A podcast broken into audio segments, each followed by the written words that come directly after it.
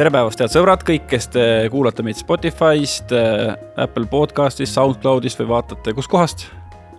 TV3 Play jätkuvalt kõige imelisem videoplatvorm. on või? no ütleme, et on meie külaline ka isegi küsis mult veel enne, et. kus see läheb? kus see läheb, ma ütlesin TV3 Play'st, siis ta ütles, mis see veel on harimatu lihtsalt jaa, TV3 Play, minge otsige ülesse. me hakkame täna ka rääkima mingil määral ühest, kas võib öelda videoplatvormist või? kuidas seal ja. nagu tegusid teha ja kuidas ja. kuulsaks saada seal ja, ja., ja kuidas pärast saada miljonäriks selle kuulsusega no absoluutselt, ma arvan, et meie saatekülaline teab äh, kõike sellest, nii et äh, meil on täna Andreas Melts siin vastaspool lauda. kas sinu kohta nüüd siis võib öelda siis suunamudija, sisulooja? Äh, kõigepealt tervist. tere mulle endale meeldib sisulooja kõige rohkem mm. -hmm. et mul on endal selle influencer'i ja siukse suunamudija sõna vastu mingi kerge, sihuke tõrge, ma ütleks isegi. et mingi, minu peas on kuidagi sihuke natuke halb Eh, maine sellel, sellel sõnal. sihuke kõla võib-olla, maine, mitte kõla. et mina olen sisulooja, jah. et sa ei taha suunda mudida? no mis ma ikka mudin, noh, et ma ikkagi näitan, kes ma olen ja mulle, näitan seda, mis mulle teha meeldib ja siis, kui keegi tunneb, et ta saab, et tema suund saab muditud, siis on, siis on tore, aga see kuidagi eraldi eesmärk ei ole mm. -hmm. no äh, räägime siis natukene algusest peale äh, Äh, põhimõtteliselt, kui mina olen juba TikTok'i jõudnud, äh, minusugune vanur, siis ühel hetkel ma vaatasin, et mulle hakkab ette viskama äh, videosid, ma ei saanudki aru, kas on nali või on päriselt mingisugune Eesti kutt, kes teeb väga halvas inglise keeles mingeid videoid.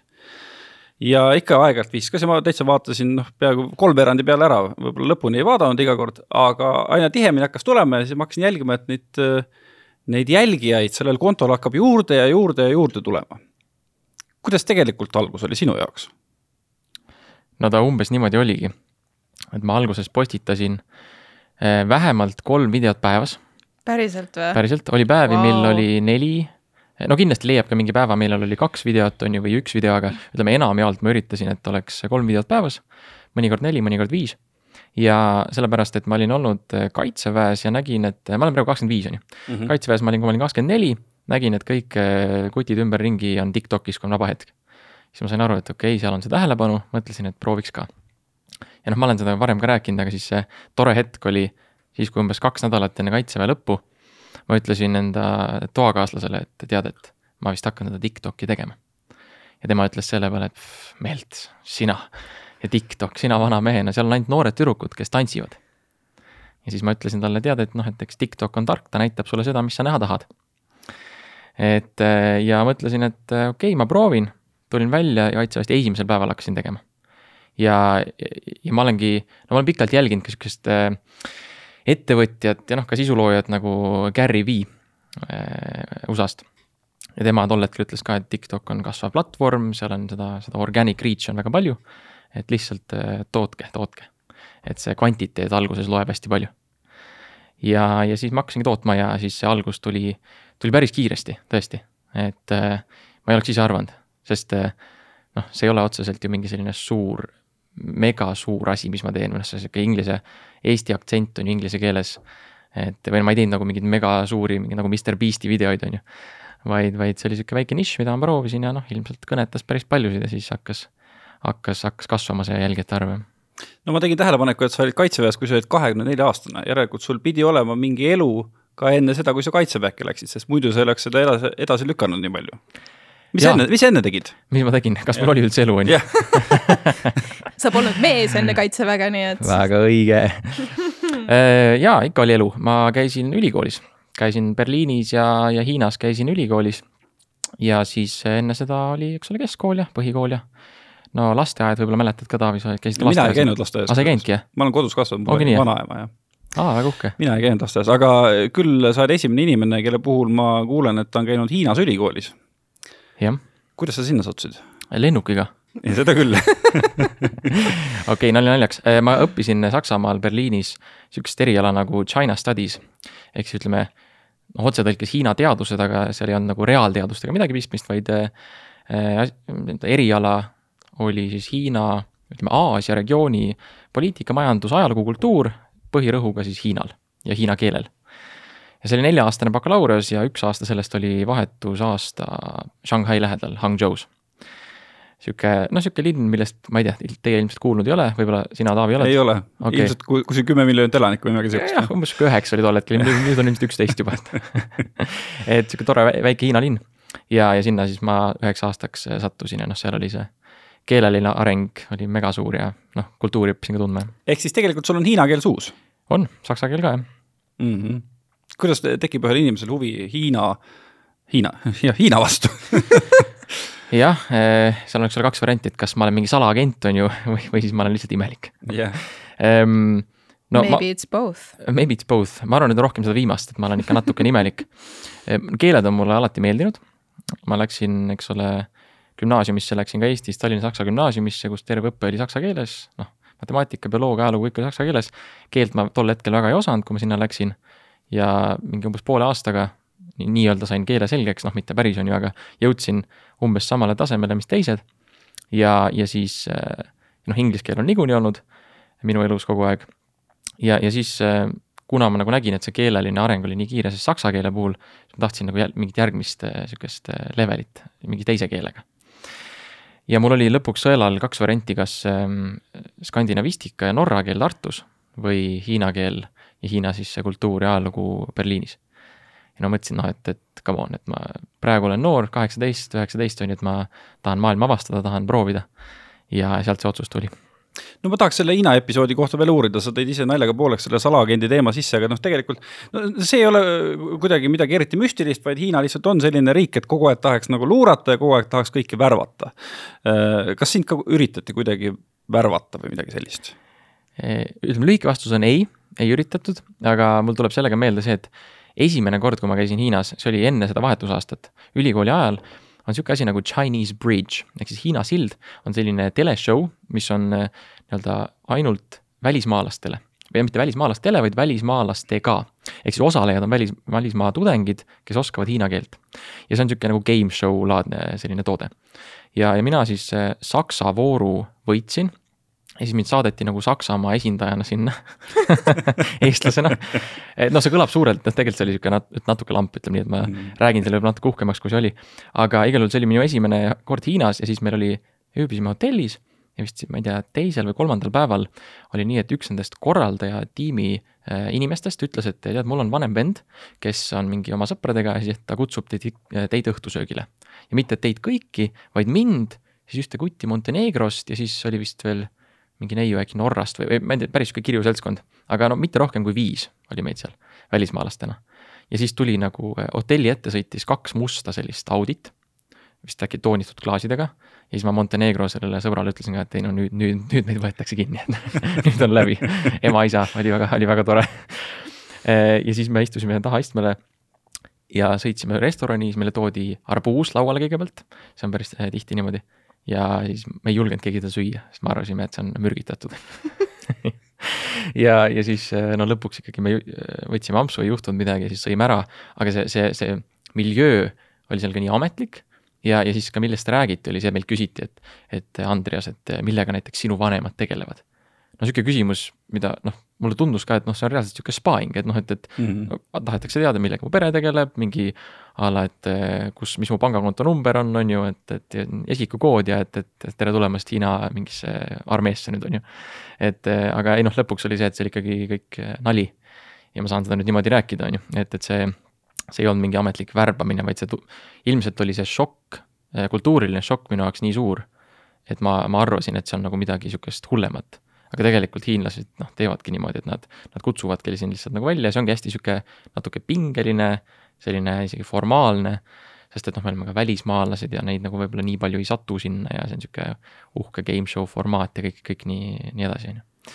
et tegelikult lõppes kõik hästi. nii et tegelikult ei ole siis hiinlased äh, TikToki kasutajaid juurde pannud sellepärast, et sa saadad mingeid Eesti, ma ei tea, sõjakaarte neile salaja, midagi sellist.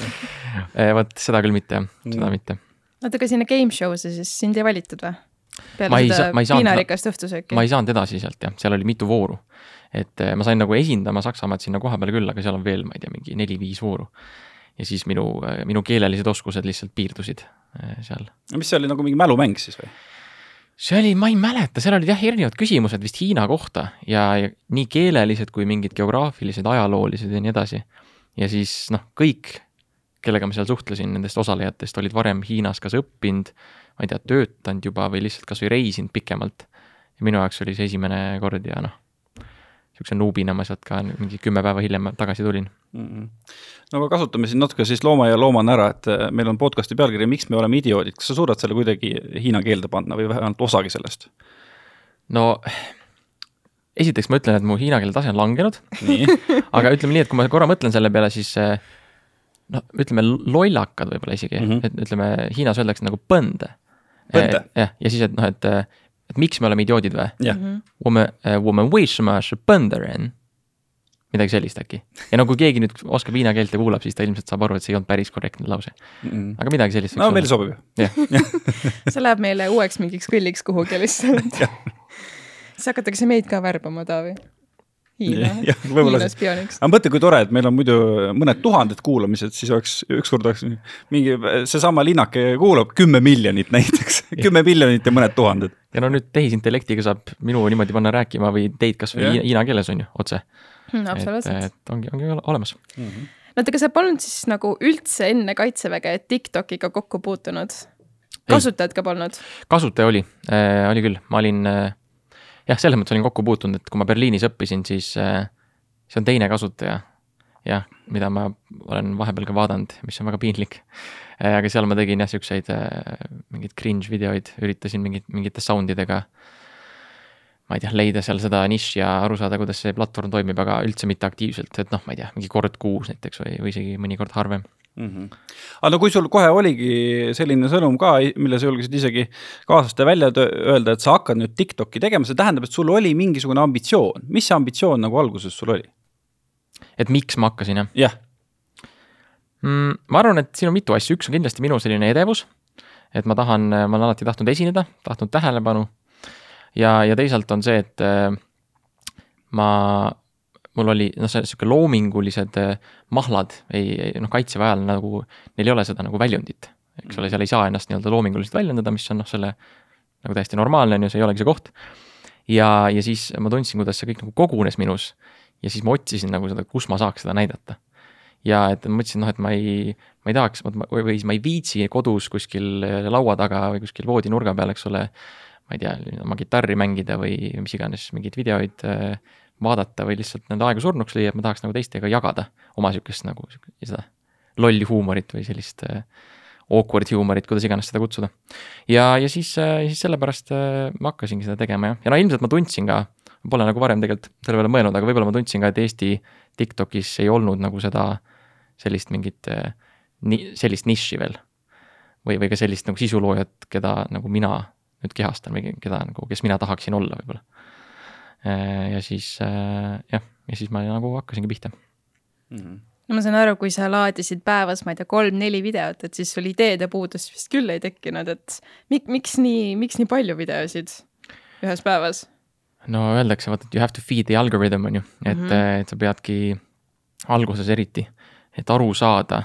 vot see on, see on ka, ma arvan, paljud inimesed tegelikult võiksid olla sisuloojad ja aga siis see, see plokk tuleb nagu sellest ette, et see subjektiivne mingi kvaliteedi kontroll, mis nagu inimeste peas toimub, eh, takistab eh, videote ülespanemist. Eh, et või noh, tihti on näiteks nagu naisterahvad ka mõtlevad, kas ma panen selle filtri siia või ei pane, on ju, kas ma panen siia, panen, ma ei tea, swipe in siia või mitte, on ju. et, et ja siis see takistabki, et okei okay,, see pilt ei lähe üles või see video ei lähe üles, on ju. aga, aga noh, et tegelikult ju lõppkokkuvõttes see turg ise, ise otsustab või see jälgija otsustab, kas see sisu on hea või see on halb, on ju. et ma võin mõelda nii palju, kui ma tahan, et ma tegin ülivinge video või et see video on hästi halb, vastupidi, aga tegelikult otsustab lõpuks noh, see vaataja on ju nendes numbrites. ja, ja siis sellepärast ma tahtsingi nii-öelda toita seda algoritmi ja toita nii-öelda seda platvormi, et ma üldse saaks mingit tagasisidet. et, et mingi video sai tuhat vaatamist, okei okay,, see ilmselt oli halb, järgmine sai, eks ole, sada tuhat vaatamist, siis okei okay,, kas see oli hea või siis mõnikord ka see, et ma ei saa aru, miks ta sai et noh, seda on ka TikToki puhul päris palju mm. -hmm. et ma teen, ma näen näiteks hästi palju vaeva, video saab tuhat vaatamist. teen täiesti lambise, saab äkki viiskümmend tuhat. ja siis on see, et no ma üldse ei saa aru, on ju. et sihukest teadmatust ja arusaamatust on ka päris palju. aga pigem jah, selle tagasiside pärast nojah, üks asi ongi see, et kui sul video saab seal tuhat vaatamist, mis on väga väike number TikToki kohta, aga aga teine asi on see, et, et noh, mida rohkem sa videoid teed, seda rohkem tuleb ka neid kommentaare kasutajalt anonüümus null üheksa kaheksa kaks, et pane ennast põlema. kuidas sa sellesse tagasisidesse suhtusid, kas alguses nagu ikkagi tegi haiget ka või? kas see on mingi isiklik trauma sul, Taavi, või ei, ka mina olen siukseid kommentaare saanud, absoluutselt mm, jah. jah, absoluutselt ähm, ma ütlen ausalt, tegelikult ei ole siiamaani mingit hullu heiti tulnud. Äh, ma ei oska sulle vastata, miks, ma ei tea, kas see on lihtsalt sellepärast, et et see sisu on selline, mis kuidagi ei, ei, ei too, tõmba ligi selliseid inimesi või siis lihtsalt ma ei ole veel piisavalt nii-öelda suur, et, et oleks neid heitereid nii palju, on ju. et võib-olla pigem rohkem isegi see viimane aga kindlasti paar tükki on tulnud, ütleme kõige värvikam mälestus on ühest Ott Tänaku äh, sihukesest paroodiavideost, mis ma tegin. kes, kelle megafänn ma muidugi ise olen, aga sellest videost see noh, selles mõttes välja ei tulnud, et ma ikkagi nii-öelda tegin nalja tema aktsendi üle, eks ole, kui ta inglise keelt räägib. ja, ja siis see ütlesime, see põhjus, miks äh, mindi niimoodi natuke tilti seal kom kommentaarides oli see, et äh, Ott Tänak oli öelnud, et tema, et I tema naise kohta midagi, et, et I et uh, I want to thank my wife, my wife support me real bad, she give me real bad support. see oli nii-öelda tsitaat temalt, on ju. Mhm. ja noh, kui sa seda otse tõlgid, siis tähendab seda, et nagu ta naine toetab teda väga halvasti, on ju, mis on nii-öelda noh, see keeleliselt naljakas, aga noh, ma saan aru, et ta mõtles täpselt vastupidist. ja, ja sellepärast ma nagu panin selle lause sinna videosse ja siis, ja siis muidugi Äh, noh, tulid need sihuke fännarmi tuli nii-öelda kommentaarisse, et, et noh, et sa ei tea midagi, mis ta naisel toimub ja. ja et see on väga disrespectful ja, ja võta see video maha, on ju. noh, need olidki üksikud kommentaarid, see ei olnud mingi megalaviin. et see oli, ütleme, esimene kord, kui ma tõesti sain aru, et okei okay, eh,, ma ei saa nagu, et ma pean olema natukene ikkagi ettevaatlik. või et natuke mingi, mingi filtri võib-olla peale panema. ma ei võtnud seda videot maha, kuigi vist üks või kaks inimest kirjutas, et take it down sest et noh, mina ise teadsin, et minu kavatsus ei olnud kordagi, eks ole, kuidagi Otti ega Oti naist või perekonda kuidagi, eks ole, nagu solvata. vaid see oli lihtsalt siukse nalja, nalja aspektist.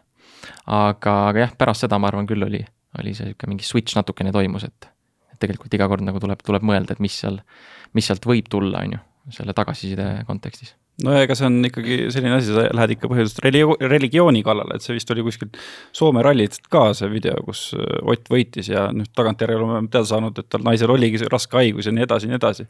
et põhimõtteliselt äh, peaks sind ikka risti lööma. no vot mis me nüüd siis teeme ma küsin, mida sina oled teinud, et kas sa oled nagu edaspidi, kui sa ütlesid, see switch toimub, toim-, toimus sul, et kas sa oled kuidagi siis nagu äh, noh, teadlikult ka siis äh, kuhugi äärealadele mitte läinud selle huumori mõttes või? vaata öeldakse ka, et kõige üle saab nalja teha, et kui sa juba mõtled, et kõige üle ei saa nalja teha, siis sa juba tsenseerid end liialt, et kas sina kuidagi tsenseerid ennast, kas on mingi teema, mille üle ei saa nalja teha? ma arvan, et äh, kõige üle saab nalja teha, lihtsalt ma tunnen, et mina, mina isiklikult ei oska veel kõige üle nalja teha et eh, noh, ma ei tea, praegu muidugi teemad, pähe tulevad, on näiteks on ju Ukraina sõda või ka Ott Tänak tegelikult, sellepärast et ma ei ole võib-olla sellel põhjusel, mis ma just mainisin, on ju, ei ole sinna tagasi läinud, aga teisalt ma arvan ka just selle okei okay,, hello, I understand today english nagu selle karakteri pärast. sest see nagu mingil hetkel natuke tüütas mind ära, nüüd ma olen vaikselt mingi paari videoga sinna nagu tagasi läinud selle karakteri juurde ja ma arvan, et ta jääb minuga nii-öelda elu lõpuni. aga, aga mingil hetkel, kuna ma just postitasin, eks ole, nii palju neid videoid siis, siis mul viskas endal üle. et, et ja see ei ole ka selline nišš, mina vähemalt tunnen, mille, mille nii-öelda najal saaks äh, ratsutada nii-öelda, nii-öelda aastaid. et see on pigem ikka sihuke hetke nali, äh, mille kaudu mind tuntakse, ma olen väga tänulik, aga lihtsalt see, see ei ole nagu jätkusuutlik, ma nägin. ja ilmselt sellepärast ma ei ole ka sinna Ott Tänaku sinna sellesse nišši selle, läbi selle Ai Andrese aktsendi kuidagi tagasi läinud, on ju.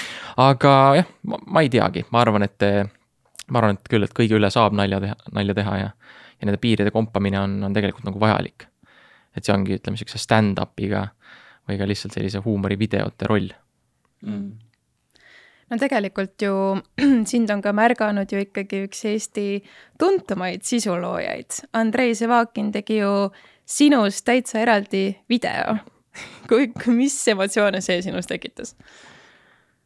See oli mingi argipäev ja mulle saatis üks sõbranna screenshot'i Andrei selle video thumbnail'ist, kus oli siis kirjas vist mingi scheduled at äh, kuus, kell kuus õhtul. ja siis kirjutas mulle, et kas kas täna saad kuulsaks, Andreas? siis ma mõtlesin, et ossa, ossa kurat, et vaata, Andrei Živakin teeb minust video. päris huvitav, vaatasin video ära, täitsa naersin, noh enda üle, enda naljade üle muidugi sihuke väga ebaviisakas naerda, aga ma pigem naersin nagu Andrei nende kommentaaride üle. Ja, ja siis tänasin teda muidugi, et ta siukse shout-out'i tegi siis tore oli muidugi jälle näha, et Youtube'i kommentaarides ka jälle mingi paar-kolm inimest kirjutas, et paid ad. no et nagu ma oleks Andreile maksnud, vaata ja siis sellest oli sihuke inside joke, et kui ma pärast veel Õhtulehes intervjuu andsin ka, siis seal see reporter küsis mult, et palju ma siis Andrei Sevakinile maksin, et, et see video üles läheks, on ju. siis ma ütlesin, et kaks Bitcoini. Et aga emotsioonid olid tõesti laes, et mina ei oleks tõesti arvanud, et noh, mul oli tol hetkel mingi kolm tuhat midagi jälgijat mm. -hmm. et mis noh, tegelikult ju ei ole väga palju. aga et, et ta selle video tegi, ma olen väga tänulik ja noh, me oleme siiamaani nii-öelda, nii-öelda suhelnud ja ja et, et see on väga, see oli ikkagi väga niisugune hea, hea märk, ma arvan. ja kui sul algul oli kolm tuhat, palju siis peale seda videot oli? ma arvan, et pärast seda videot ta tuli mingi mõnisada äkki tuli juurde, et mitte nagu mingid kümned tuhanded, on ju ehm,. aga jah, ma arvan, mingi kolm-nelisada äkki või, järgmise mingi niisuguse mõne päeva jooksul. oota, kui palju sul praegu jälgijaid on? sa mõtled TikTokis? Ehm, no mingi kakskümmend neli tuhat äkki pea, natuke alla vist jah ja lisaks on sul kanalid veel, kus?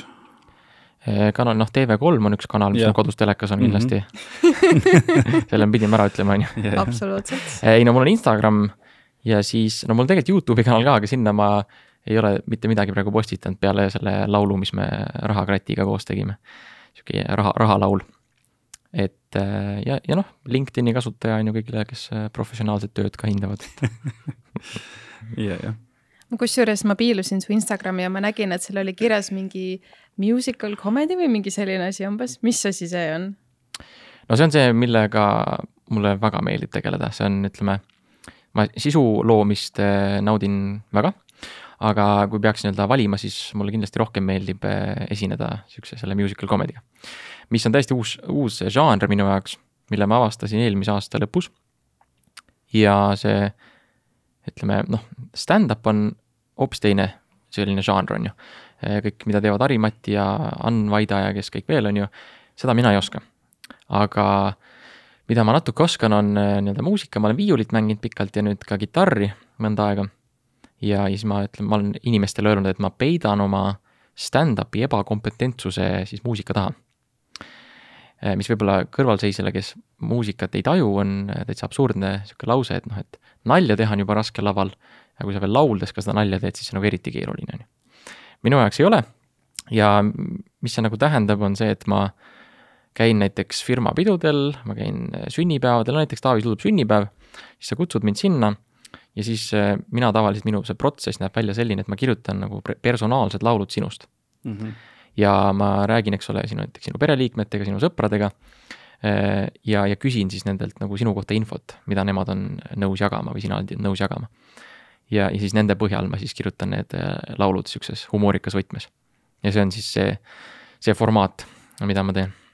kusjuures vaata, kui stand-up on Eestis täiesti uus äh, uus formaat ikkagi mingil määral ja ka maailmas, siis äh, see, mida sa kirjeldad, see on ju väga vana žanr, see on vodevill. Öeldakse selle kohta vist. vodevill? jah vot üldse ei ole kursis. vot just, et esimese Eesti Vabariigi ajal oli see väga populaarne, see vist tuleb Saksamaalt, et ongi niisugune nagu lauldes lauldes nalja tegemine ongi seesama viis on nagu tihtipeale oli all ja siis nagu hästi humoorikaid selliseid laule tehti mm,. vot. et äh, sa oled uue põlvkonna Eesti vodevilli staar. vodevilli staar, jah? jah aga kas, oota, aga kas pane see oma Insta biosse lihtsalt vodevillist või, nii ei saa öelda, jah? vaata, ma ei tea, ma nii täpselt ei tea, aga okay. jah. vodevilli viljelev. vodevilli vilje, jah ei no see on see, et vaata, kõik uus on hästi unustatud vana lihtsalt. nii et mina olen ka kuulnud sellest. kusjuures jah, praegusel hetkel, kui sa hakkasid, äh, hakkasid kirjeldama, siis mul täitsa nagu äh, tuli meelde jah, et, et selline asi nagu vodevill on täitsa olemas mm. -hmm. no vot, et siis äh, millal su sünnipäev on, Taavi? kolmekümnendal märtsil. Aa, no vot, et sa siis tead. ma jätan meelde selle lihtsalt, et kui mul on vaja sünnipäevakinki talle teha, siis, siis ma tellin sinult midagi. aga no ikkagi, vaata, sa teed TikTokis nagu ühte asja ja kui sind on nagu kutsutud sünnipäevale, et kuidas sa seda siis alguses nagu välja reklaamisid, ma, ma teen sihukest asja ka, et kas sa nagu ise, ise nagu ütlesid, et kui keegi helistas, kuule, ma olen näinud, et sa teed päris lahedat videot, et mis sa seal kuskil üritusel võiks teha, siis vot võiks sihukest noh, vodevilli või muusikalist komöödiat teha. või kuidas see nagu alguse sai mm? -hmm. see sai alguse selles mõttes orgaaniliselt, et ma hakkasin ikkagi TikTok'i ja Instagrami postitama äh, no mitte neid samu laule, eks ole, sest need on iga kord erinevad, kui ma esinen, aga sedasama formaati. ehk siis eh, ma nüüd ei oska öelda, millal see esimene laul üles läks, aga ma hakkasingi Youtube'i panema esialgselt eh, selliseid noortele, just koolinoortele suunatud laule.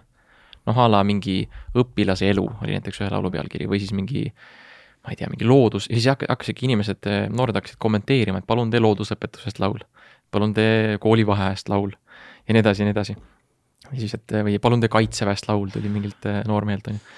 ja, ja niimoodi ma neid äh, nii-öelda tellimusi siis jutumärkides võtsin sealt kommentaariumitest ja tegin, tegin uued laulud. ja, ja noh, seda nagu inimesed nägid, said ka päris palju vaatamisi, mõned.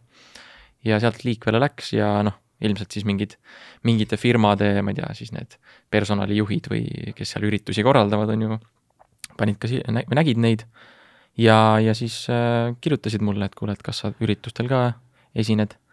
ja, ja kõige esimene mul oligi, ma nüüd ei mäleta, kas see oli see üks sünnipäev või vist oli jah, eelmise aasta novembri lõpp oli üks era, erasünnipäev ja sealt ma nagu, sealt ma alustasin mm. -hmm.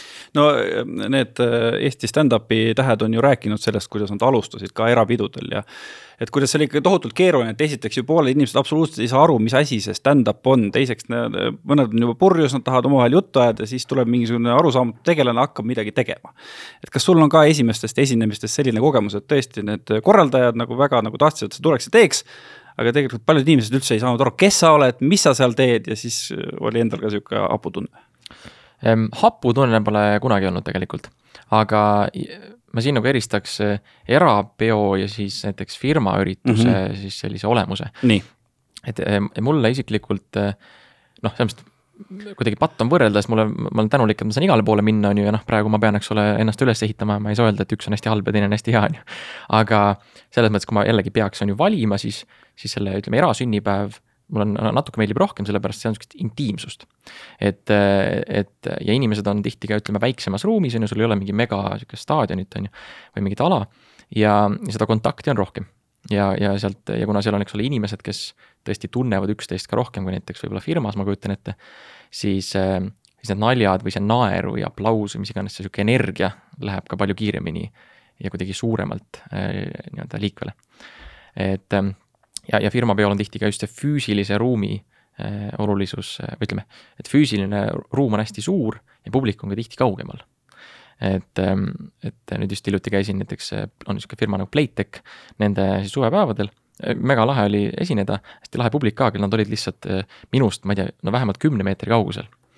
ja, ja siis tekibki see, et, et ma küll nagu näen, et noh, nad naeravad, nad plaksutavad, kõik on tore, aga nad ei, see kuidagi energia kaob vaata siin natuke ära selles vahemikus, on ju. Et, et sellepärast on need erapeod tihti siuksed kuidagi nojah, siuksed intiimsemad isegi ja sellised, äh, seda energiat on, on, on rohkem. ja jäävad ka kuidagi võib-olla rohkem meelde tolles hetkes. aga firmapidudele saab vist rohkem raha, eks? muidugi, absoluutselt. palju sind tellitakse üldse? Jah, keeruline öelda, selles mõttes, et võib öelda, et aina rohkem on praegu sihuke trend. ja aga, ja mul on, ma olen praegu ka kuidagi sihukeses faasis, kus ma tõesti äh,, mul on ka võimalik öelda teatud asjadele ei, niimoodi vaikselt Ehm, et alguses oli pigem see, et ma haarasin nagu igast nii-öelda võimalusest kinni. nüüd on tõesti see, et on nagu erinevaid projekte, siis mitte ainult selle muusikaga, vaid ka nii-öelda sotsiaalmeediaga seoses on ju tulnud. et, et lihtsalt ei, ei jõua, noh kuna see nõuabki ettevalmistust päris, päris palju, see, see laulude kirjutamine, siis ma mõtlen. ja et see ei ole see, et, et ma lihtsalt istun maha, viisteist minti, okei okay,, kolm laulu valmis, let's go, on ju. Ehm, või siis noh, seal ei ole ka seda, et ma võtan noh, ma olen mingi laulu, mida ma olen, eks ole, viimased kaks-kolm aastat laulnud või mis on noh, et nagu tavalised artistid on ju, et tellibki Nublu, noh, tulebki laulab sulle neid laule, mis tal juba peas on, juba mingi viis aastat laulnud, et siis on korras, on ju. et mul on nagu see iga kord erinev ja sellepärast see ettevalmistusaeg on, on ka, on ka suurem. aga jah, ikka aina, aina rohkem, et see trend on praegu õnneks nii-öelda tõusus. mis projekte sul on veel olnud? Mis sa oled teinud põnevat? no praegu on päris lahe projekt, meil on seoses selle Positroniga, mis on sihuke elektri energeetika valdkonna konverents, mis meil tuleb Unibet Arenal septembri lõpus, noortele suunatud. kus me siis koos Goodman Productionsiga, need on need poisid, kellega me koos teeme videosisu sotsmeedias, teeme, teeme erinevaid siukseid promovideoid. ja oleme seal kohapeal ka septembri lõpus. ja, ja noh, siis ongi nii-öelda mingid projektid ütleme, video siuksed äh, projektid, mis, millest võib-olla veel rääkida ei saa, mis tulevad veel. Secret project. Secret project, big, big, big Classic, classic. Äh, aga, aga jah, praegu, praegu ta niimoodi selles mõttes hu, huvi on, huvi on, ütleme nii, jah.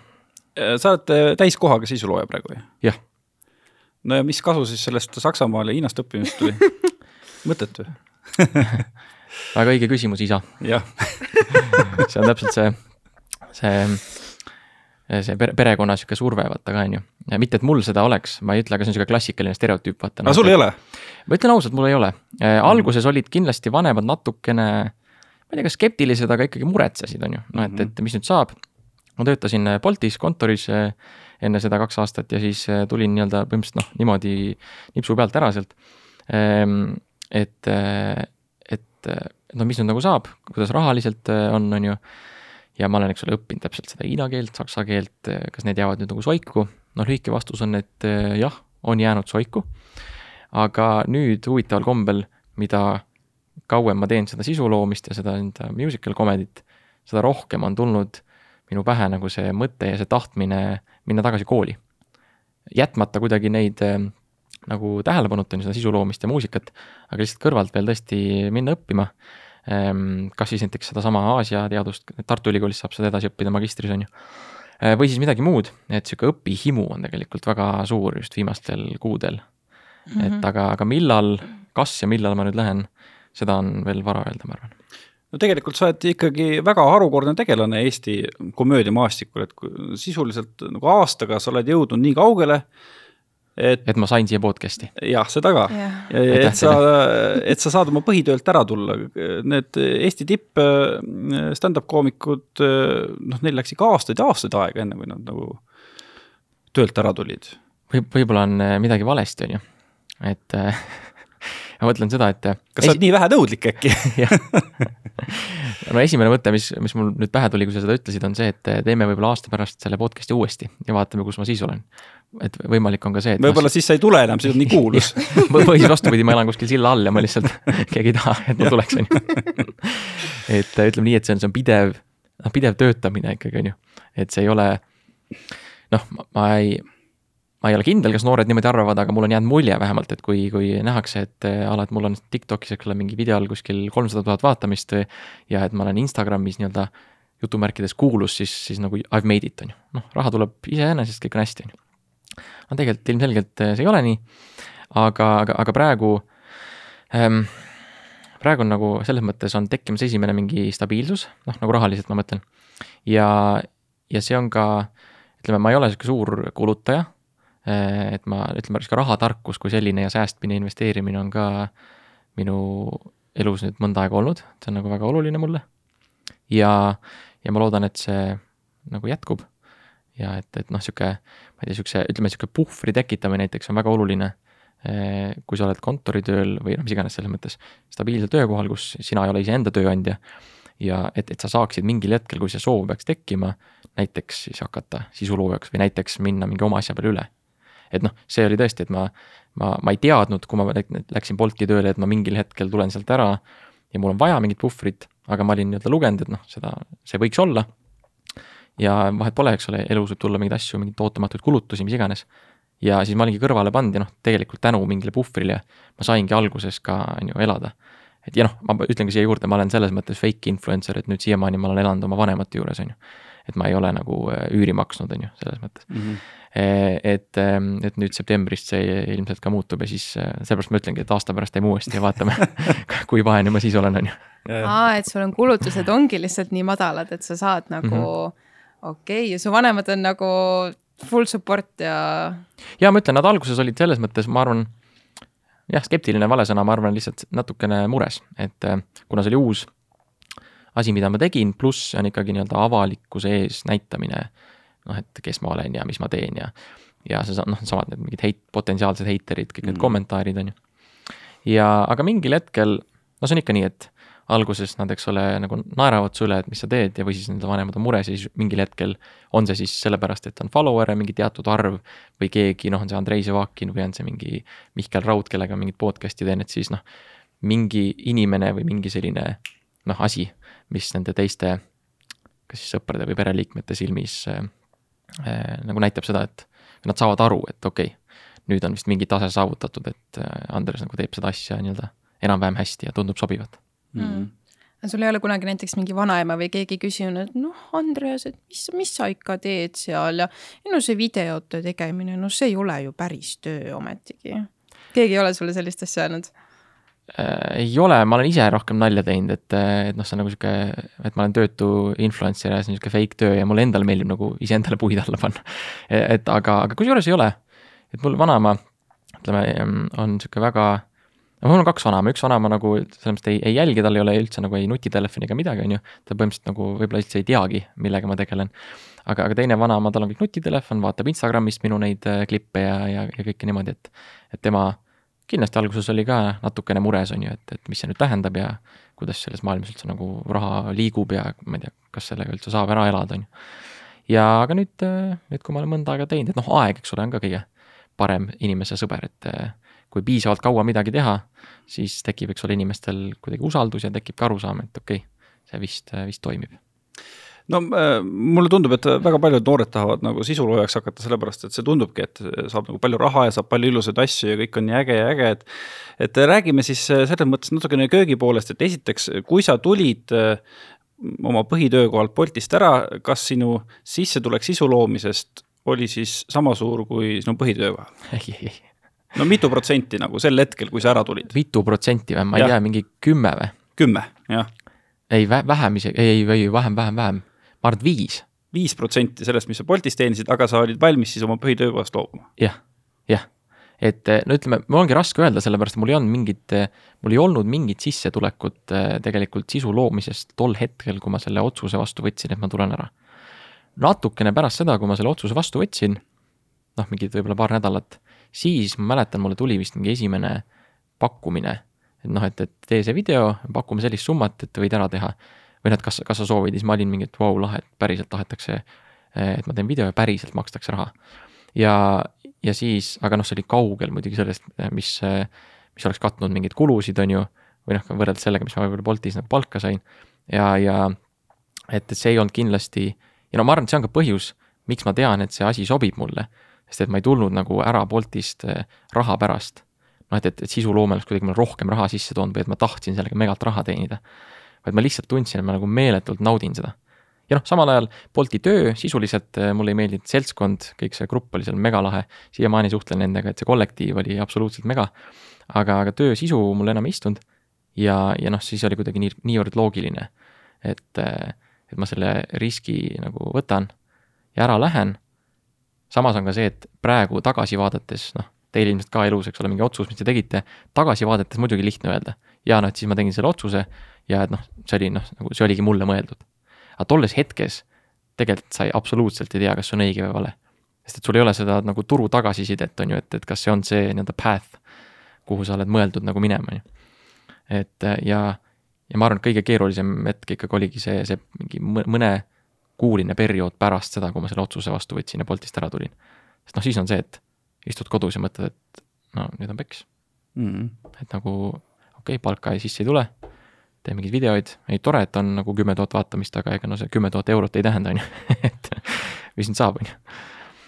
ja teine asi on see, et no kui ikkagi klassikaliselt see inimese töönädal on äh, selline, et nagu vii-, viiel päeval teed kaheksa tundi ja siis kahel päeval nagu ei tee midagi, et äh, see on selline keskmine, et kuidas sul siis nagu on, et kui palju sa reaalselt nädalas kulutad tunde kõigele, mis puudutab sisuloomet? mul ei ole niisugust selget vastust, sest ma ei ole seda otseselt mõõtnud, aga ma olen märganud seda küll, et ma natukene äh, töötan oma peas liiga palju ja ma ei võta piisavalt pause. sest oht ja, ja noh, minu puhul nüüd ka reaalsus, ma olen aru saanud, on see, et et kui, kui ma annan, ma olen iseenda tööandja, siis mul ei ole seda nagu Bolti või, või seda TV3-e, kes ütleb mulle, et okei okay,, mul on need mingi X arv päevi aastas, ma saan kasutada puhkuseks, laupäev, pühapäev ei pea tööle tulema, mul ei ole seda süsteemi paigas, ma pean selle ise tekitama ja, ja ma olen hästi halb süsteemide tekitaja väga, väga hiljuti ma alles õppisin kalendrit kasutama, sinnamaani ma lihtsalt kuidagi ujusin läbi elu, on ju. Ehm, et eh, ma olen ikkagi selles mõttes noor ja roheline eh, selles, selles vallas, mis puudutab üldse sihukest eh, noh, enesehoolt kasvõi ehm, nii-öelda, kui ma töötan, on ju. et ma ei oska võib-olla piisavalt pausi võtta. Ehm, aga, aga jah, et ütleme iga päev ma ikkagi üritan, üritan mingit noh, kasvõi mingi mõned minutid võtta, et, et mõelda mingi sisu peale, mida kas siis mina ise toodan enda kanalitesse või me teeme Goodman Productionsiga koos või, või on seotud mingi, mingi teise projektiga, on ju. ja noh, viimasel ajal just nüüd augustikuus, kuna on päris mitu seda sellist musical comedy esinemist, siis mööduvad päevad ikkagi nii-öelda kodus laua taga ja kitarr süles ja, ja üritan neid, neid laulusõnu siis kokku panna nojah, see ongi see hull asi ju tegelikult, et, et väga paljud arvavad, et noh, et nüüd ma tulen sealt äh, töölt ära, kus on kuri ülemus ja kindlad tunnid ja siis on jube palju vabadust, aga tegelikult sa oled ise endale kõige karmim tööandja ja ja, ja kokkuvõttes noh, algusest nagu sa ütlesid, sa ei julge ju ei ka öelda ja nii edasi ja nii edasi, et tegelikult võid sa vabakutselisena palju kiiremini läbi põleda. absoluutselt, väga nõus, väga nõus ja ma arvan, et ma ütlen, et ma ei ole ise veel päriselt läbi põlenud, aga ma, ma olen kuskil seal piiri peal kindlasti olnud sest et, ähm, sest et jah, seda sellist ähm, schedule'it näiteks mul väga, väga pikalt ei olnud.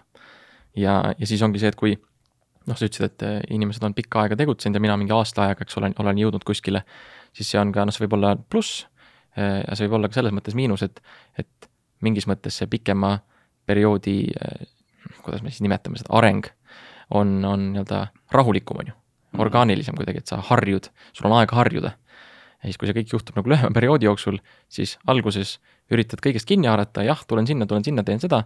ja siis ühel hetkel, eks ole, tuleb mingi, ma ei tea, seitse pakkumist korraga, kuna kõik on kuskil sind näinud, on ju, see on hästi-hästi tore. noh, ma räägin endast, on ju, hästi positiivselt, praegu see on tore ennast kiita, on ju. Mhm. aga eh, ja, ja siis ongi see küsimus, et okei okay,, et ma olen harjunud ju kõik vastu võtma, aga millele ma nüüd ei ütlen? kui palju ma sealt küsin? Mis siis, kui öeldakse ei, kas nad arvavad, et ma olen idioot, on ju, noh, miks me oleme idioodid, on ju et, et igasuguseid, noh, väga palju õppetunde on olnud, jah kui sa enne ütlesid, et äh, sa oled äh, täna sellises kohas, et sa saad noh, natuke ikkagi ise valida, vaata, mis projekte sa teed. Äh, mille põhjal sa seda otsustad või mis on need asjad, millele sa siis ei ütled? hea küsimus. Mm, no lühike vastus on, ma arvan, mingi sisetunne et äh, kas see läheb, äh, see, mida ma näiteks promon või kas see läheb kuidagi minu, ma ei tea, maailmapildiga, minu väärtustega kokku. kindlasti on seal ka raha aspekt, et äh, ma kuidagi ei välista ka seda, et mingil hetkel võib-olla ma võtan vastu mingi koostöö, mis ei ole nagu noh, mingi sada protsenti, et ma tõesti hingega olen selle mingi firma nii-öelda megafänn või ma olen terve elu näiteks kasutanud seda teenust või toodet, vaid näiteks lihtsalt noh, sisuloojana on see reaalsus see, et no sul on vaja ka nagu arveid maksta, on ju et mingil hetkel on võib-olla see rahaline aspekt hoopis nii-öelda top üks. et ma ei tea seda, aga ma üritan, eh, ütleme, see oleks ka see ideaalmaailm, ma üritan seda hoida ikkagi niimoodi, et ma valin neid koostöid jah, sellise kuidagi selle firma mingi missiooni baasil või, või et, et kas see eh, noh, ka, ka suuruse baasil muidugi, et noh, et ma ütleme, mida vähem ma teen koostöid, seda tegelikult ütleme, eksklusiivsem ma olen, eks ole, sisuloojana. ja seda võib-olla rohkem ma saan ka küsida, on ju, rahaliselt. ma ei tea võib-olla, millest ma räägin, ma ei ole veel eh, nii, kogenud siin maailmas, aga mulle tundub vähemalt nii, on ju. et, eh, et, et see on ka võib-olla mingi point, mis, eh, mille peale ma olen mõelnud, et võib-olla pigem otsida selliseid suuremaid brände, noh alati ei tule see välja, alati ei taheta, on ju. aga, aga jah, ma arvan, et seal ongi jah, sihuke, sihuke mingi päris palju ka sihuke kirjeldamatu mingi sisetunne. et äh, jah on sul ka näiteks mingi, ma ei tea, ma ei tea, teenus või toode või valdkond, mida sa näiteks äh, kunagi ei tahaks äh, promoda, noh, ma ei tea, mingi hasartmängud, tubakatooted, ma ei tea, alkohol. või sul on nagu, et noh, ei ole nagu vahet? noh, tänapäeval on see, et kui midagi öeldakse, on ju, et kui ma nüüd midagi välja ütlen, siis see, see, see, see jääb eluks ajaks, on ju. aga vaata, Andres, kaks tuhat kakskümmend kolm, seal ütlesid niimoodi.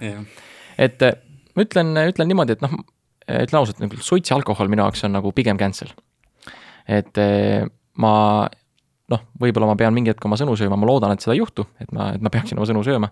sest et see kuidagi ei lähe minu sellise elustiili ja nii-öelda maailmavaatega kokku, et ma siukseid asju kuidagi promoks, ma ei tea, suitsureklaami enam üldse ei tehta niikuinii, et, et see vist ei ole üldse mingi teema. aga jah, ma ei tea, ütleme natuke on seal ka seda, et nagu naljaga, eks ole, mida me rääkisime, et tegelikult saab kõigi üle nalja teha. ja mingis mõttes saab ka kõik kõige, ütleme, kõigiga koostööd teha ja kõigi jaoks mingit promo teha mis ei ole niisugune nagu labane, on ju, kui sa oskad seda hästi teha.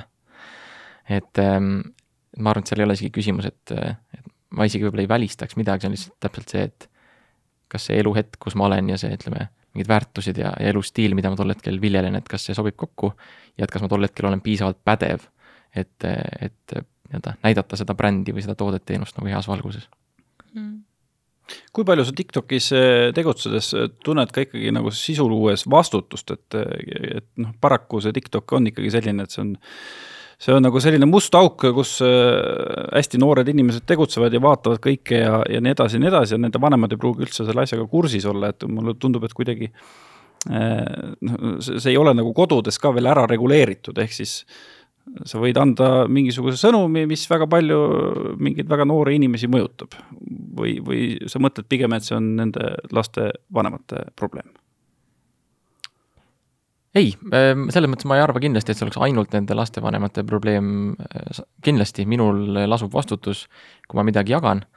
ja, ja sellepärast ma, ma arvan ka, et võib-olla isegi sealsamas pärast seda Ott Tänaku seda switch'i, millest ma enne rääkisin, on ju võib-olla natuke hiljem äh, tek-, tekkiski see arusaam, et äh, jah, et minul on vastutus, et inimesed äh, noh, võivad ka nii-öelda tegutseda või muuta oma käitumist selle nii-öelda põhjal, mida mina näiteks ütlen või, või kuidas mina käitun. Ehm, et ma väga kuidagi usun sellesse, noh, et, et, et tehke nii, nagu mina käitun, mitte nii, nagu ma ütlen, on ju. Et aga noh, selles sotsiaalmeedias, kui ma midagi videosse ütlen, siis noored võivad seda vabalt, eks ole, võtta niimoodi tõe pähe. isegi kui ma näiteks irooniliselt midagi jagan. et sellepärast ma olen kindlasti mingi filtri peale pannud.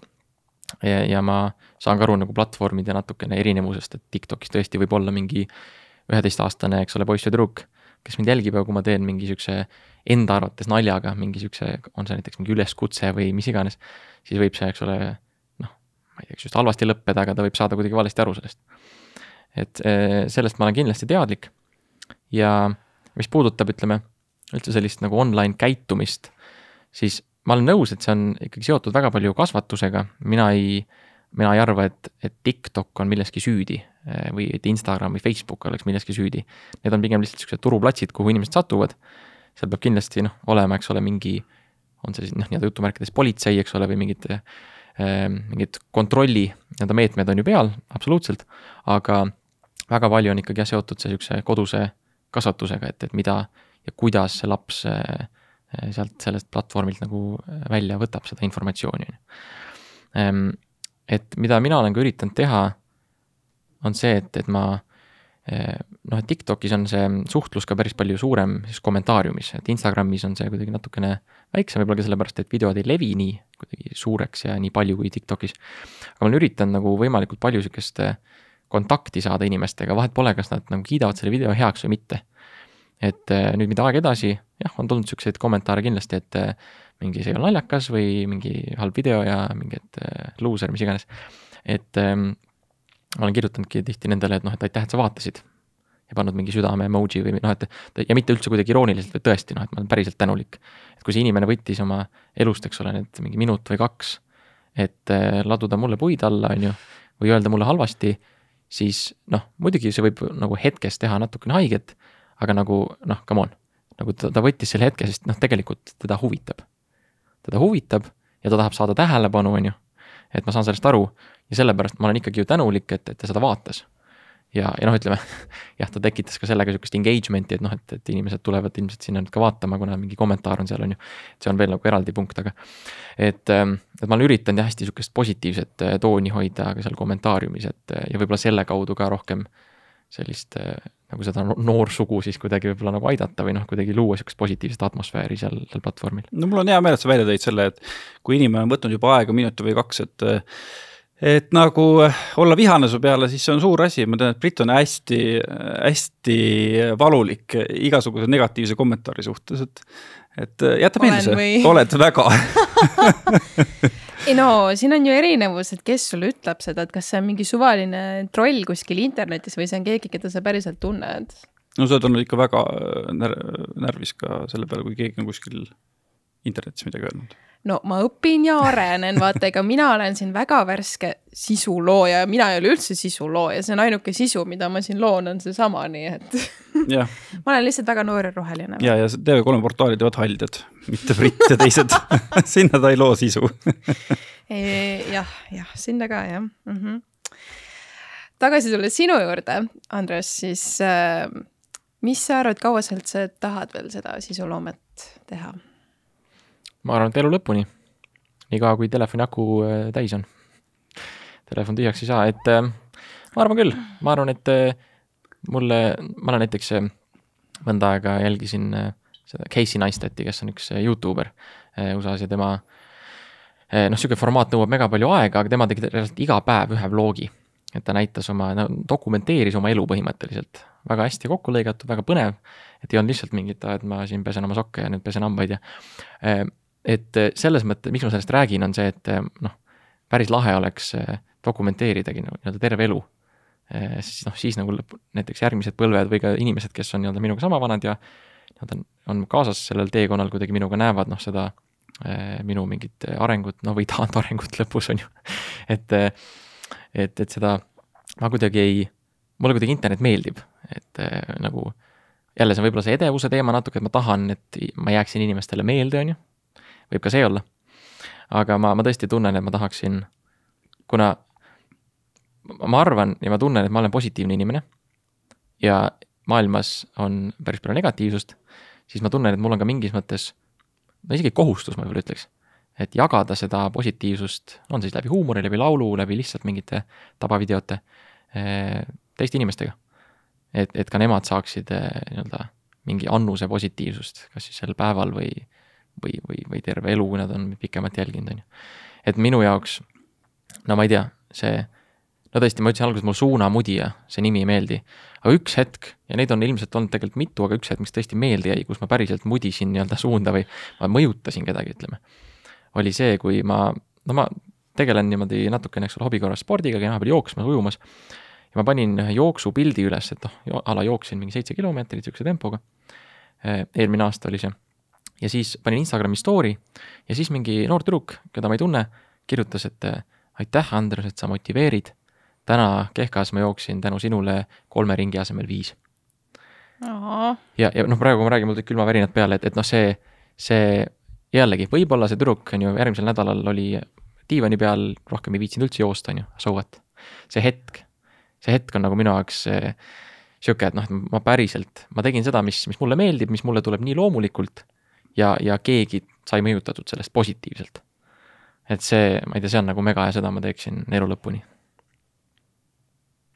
no kuna sa oled selline keeltemees ka hariduselt, siis kui palju sa selle peale mõtled, et kui tõesti tahta sisuloomega edasi liikuda, sama kiirelt edasi areneda, siis no sa pead kuidagi selle eesti keele ära unustama, et kas siis tegema üldse ilma keeleta või siis minema rohkem rahvusvahelise keele peale. oled sa mõelnud selle peale? olen mõelnud küll aga tunnen, et praegu on veel vara. Võib-olla mul on äh, peas ka mingi sihuke väike plokk just selle Ai Andrese karakteri pärast, et, et see on kuidagi sihuke Eesti-põhine, noh kuigi ta on inglise keeles. ja mingid videod läksid ka tegelikult Leetu ja Lätti äh, päris hästi, statistika järgi ma.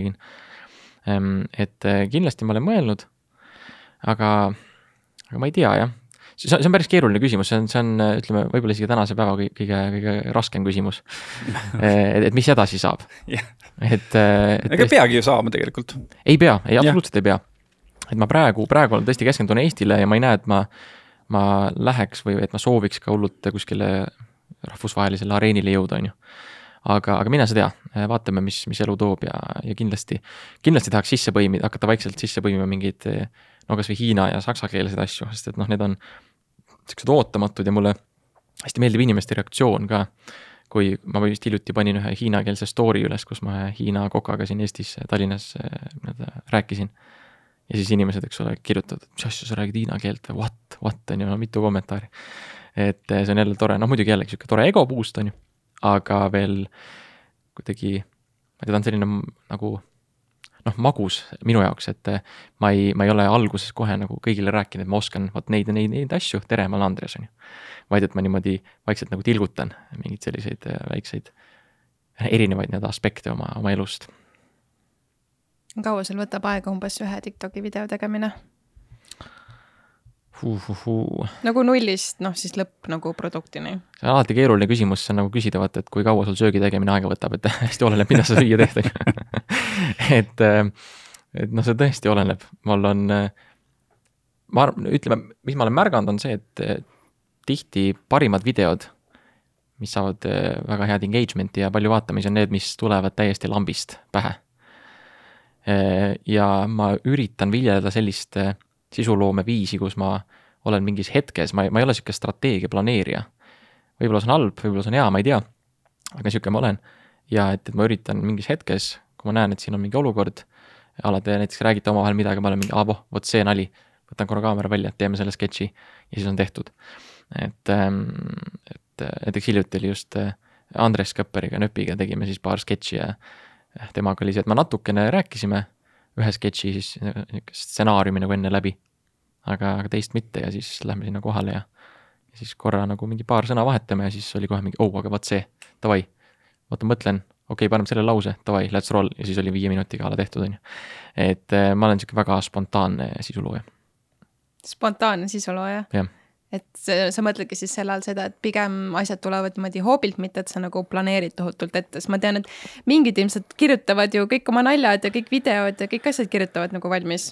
vot võib-olla peaks, on ju, võib-olla ongi see ta Taavi point, et kuidas jõuda järgmisele levelile, on ju.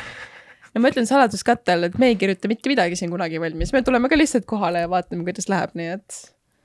no meil on see värk, et meil oleneb külalisest ka palju muidugi ah?. külalisest oleneb, oleneb päris palju et kas külaline nagu toimib või ei toimi või? ei, ma mõtlen, kui me ka vastused ette kirjutaks, siis oleks päris halb. aga äh, muide loe palun siit maha Eestis on küll selliseid intervjueeritavaid, kes tulevad intervjuule ja kirjutavad nii küsimused kui vastused ette. ja siis, kui sa hakkad teisi küsimusi pakkuma talle, siis ta on natuke häiritud. no vot, pagan, ma oleks ma teadnud. jah ta oleks võinud jah, pika PDF-i saata.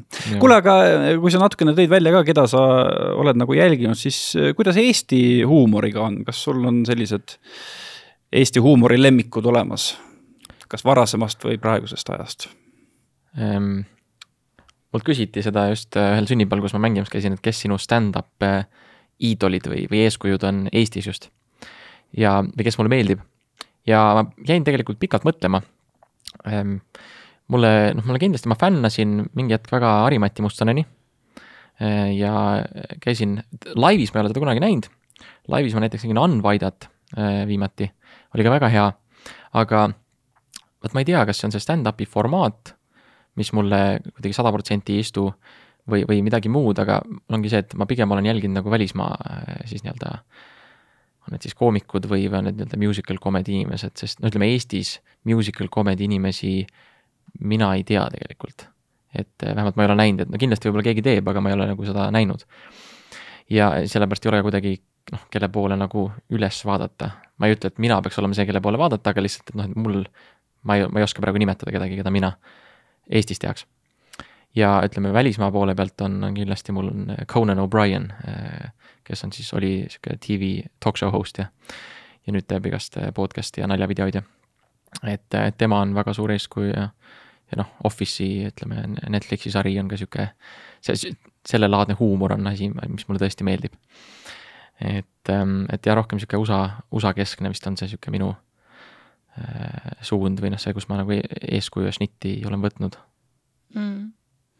no aga kui veel siia lõppu ma küsin, siis kui noh, enne oli korra see küsimus, et noh, mis edasi, aga et kas sul endal on ka, ma ei tea, mingid kindlad eesmärgid kuidagi paigas, mingid asjad, mida sa tahaksid, ma ei tea, ära saavutada või ära teha või, või sa lihtsalt go with the flow nii-öelda rääkisime täna paaril korral Ott Tänakust, on ju no.. mul on, mul on reaalne bucket list'i item on see, et ma saaksin Oti kõrval sõita mingi raja läbi. või noh, et mina oleks nii-öelda, nii-öelda passenger, on ju. et eh, see on nii-öelda kui nad küsisid, et noh, mis, mis mingid eesmärgid on, et see on päriselt mul üks, üks asi, mida tahaks teha. oskad kaarti lugeda või? ei oska muidugi, muidugi, aga no Ott teab peast, ma arvan, et rada võib kinni silmiga sõita neid. aga ma ei tea jah, ehm, jällegi ma, ma ütlesin, ma ei ole hea strateegia, ma ilmselt ei ole ka hea eesmärkide seadja, ma olen rohkem selline hetkes elaja. Ehm, üks asi, noh, see on võib-olla isegi paslik siia, kuna me TV3 majas oleme, ehm, eh, on see, et ma tahaks reaalselt juhtida oma telesaadet see on, see on nüüd tekkinud mul viimastel kuudel. Kuna mingites videotes ma olen võtnud ka mingisuguse, on see siis mingi a la game show formaat, mida me oleme teinud või ka mingi intervjuu asi, siis ma olen võtnud niisuguse võib-olla juhtiva rolli ja ma olen tõesti nautinud seda. Ja see on asi, mis mulle, mulle meeldib. Ehm, ja noh, ütleme niisugune äh, jälle, eks ole, mainisime Andrei Sevakinit, noh, tema on Robiniga praegu, eks ole, USA-s teevad seda reisisaadet, et niisugune nagu reisisaade oleks ka muidugi väga, väga vinge, on ju. kuna noh, kellele ei meeldiks reisida, et ma arvan, et tõesti selline mingi saate juhtimine on üks, üks suurimaid äh, eesmärke, mida, mida ma loodan, et ma täidan nüüd järgnevatel aastatel, noh, millal see tuleb, ma ei tea, on ju. eks, eks siis näis. Aga, aga muidu jah, ütleme, ja ütleme, teine eesmärk võib-olla pika, pikaks ei aja seda podcast'i siin, on ju, on, äh, on tervis kindlasti. mis, mis on minu eesmärkide osa, et ma tahan, ma olen öelnud, et ma tahan elada sajaaastaseks. Äh, nüüd ma olen aru saanud, et tegelikult sajaaastaseni elamine ei ole eraldi eesmärk, vaid eh, tervena elatud aastad oleks kõige olulisem eesmärk. et kui ma elaks näiteks üheksakümmend aastat tervena, on ju, siis eh, vot, vot see oleks, eh, vot see oleks tulemus. Et sellepärast ma ka nii-öelda regulaarselt trenni teen ja järgmine aasta kindlasti pooliku Ironmani ära teen ja et see on niisugune lähi, lähituleviku eesmärk. et ma arvan, need, need kaks asja, telesaade ja tervis ja kui me, kui ma praegu niimoodi mõtlen no näed, me juba saimegi potentsiaalselt järgmise podcast'i teema, et kui sa oled Ironmani läbi teinud, et miks sa oled idioot ja teed Ironmani? jah, ja siis ja, täpselt järgmine aasta, kui ma seal silla all olen, on ju, raha enam pole mm, -hmm. olen Ironmani ära teinud, siis saame uuesti teha selle. aga mis, mis su mingid lemmikumad telesaated on üldse ähm,? lemmikud telesaated, ma mõtlen. ei pea üldse kodumaine olema mm. -hmm no ma mainisin, eks ole, seal, noh, Office'i sarja mainisin, see on vaieldamatu lemmik. Ehm, ja ma ei tea, millegipärast tuli Pealtnägija mulle esimesena pähe Eestist. sest et ma olen noh, viimastes videotes äh, seda Mihkel Kärmast natuke järgi ka teinud ja selle ilmselt sellepärast et äh, mul, ei no selles mõttes tõesti, tõesti hästi tehtud saadet.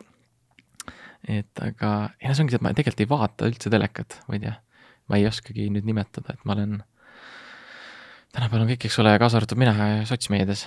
et mm. äh, ongi, et mis telesaadet. ma ei tea, mis, mis sinu lemmiktelesaade on? oo, äh, mulle ka väga meeldib The Office mm, -hmm. mida sa just mainisid äh,. Brooklyn Nine-Nine mulle väga meeldib, no sitcom'id põhiliselt lähevad hästi peale. ma nüüd hakkasin Gossip Girli vaatama, sest et ma ei ole kunagi seda vaadanud, aga haip oli mingi meeletult suur kunagi, kui ma noor olin just muidugi noh, ma saan aru, et ongi tiinekatele mõeldud nagu seriaal ja mul on väga raske seda vaadata praegu, aga samas see on äh, suht sihuke meeltlahutav mm. -hmm. mis sa vaatad, Taavi? ma hakkasin, ma hakkasin mõtlema hoopiski seda, et et äh, see on huvitav, et sa ütlesid, et su eesmärk on tele saata ja kui sa ise nagu väga, telet ei vaata yeah., et mulle tuli meelde, et, et ma olen noori ajakirjanikke õpet-, õpetanud ja hästi paljud tulevad, kes tahavad saada ajakirjanikuks, kes ei ole, kes ei loe ajalehti mm, -hmm. kes ei loe uudiseid, kes ei vaata telekat ja kes ei kuula raadiot, et et mis siis nagu on, et kas see küsimus ei ole nagu platvormis, sa ütlesid lihtsalt, et nagu telesaade, sest kõik saavad aru, mis asi on telesaade. või, või mis, mis värk siis sellega ikka on? ja see on väga hea point, ma just äh, praegu hakkasin täpselt sama asja peale mõtlema. Äh, ja see on täpselt, see on selle formaadi ikkagi, või noh, see ei ole, see ei pea olema yeah, te televisioonis. jah. jah, täpselt, et äh, kas see on nüüd nagu TV3-s, Kanal kahes, ETV-s või see on nagu mingi Youtube'is on ju, või, või Instagramis või mingil veel X platvormil, kus, aga et selles mõttes pole vahet, jah, tõesti. aga et, et mul on jah ilmselt lihtsalt mingi sihuke väga suur ego ja kontrollivajadus, on ju et ma, et ma kuskil tahaks, tahaks midagi juhtida, et, et äh, jah, ma arvan, et see on, see on huvitav, sellepärast et ma olen, et ma olen ka ise mõelnud, mis asi see on, et, et miks ma tahan nagu, et osa minust ikkagi tahab jah, nagu selle televisiooni poolega tulla, kuigi ma just ütlesin vastupidist, on ju, et see nagu see formaat ei ole oluline.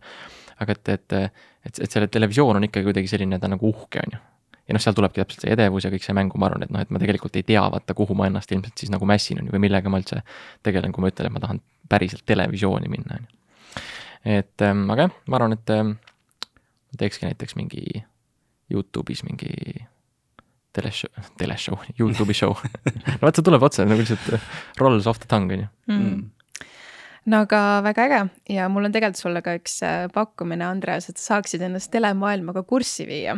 et äh, kui sa näiteks tõesti tahaksid ikkagi midagi ägedat vaadata, eriti kui õues äh, täna on ju torm ikkagi tuleb, on ju, täna, kui me seda salvestame, siis äh, Go3-s, kui sa kasutad koodi idioodid, kuu aega saad vaadata ühe euro eest kõike yes.. õigemini, seal on vist mingid tingimused, ma täpselt ei tea, minge ja kasutage koodi ja siis te saate teada. no vot, sa oled kokkuhoidlik ka ju praegusel hetkel. no just, täpselt. no ma ütlen, ühe euro eest Go- Go3 terveks kuuks nagu no kõlab imeliselt, on ju. nimeliselt, silla all siis lõpuks äh, seal oma ar- arvutist vaatan Go3 ühe ka. ja see kehtib ka kõigile meie kuulajatele, vaatajale loomulikult, nii et äh, minge kasutage ja vaadake. aga igatahes, Andres, oli väga tore sinuga tuttavaks saada. muidu oleme näinud ainult äh, teineteise poole ekraani, ja laulupeo rongkäigul. just. samad sõnad, aitäh. ja aitäh sulle, aitäh kõigile kuulajatele, vaatajatele samamoodi ja siis kohtume jälle. järgmisel nädalal. okei okay,, goodbye. Thank you, come again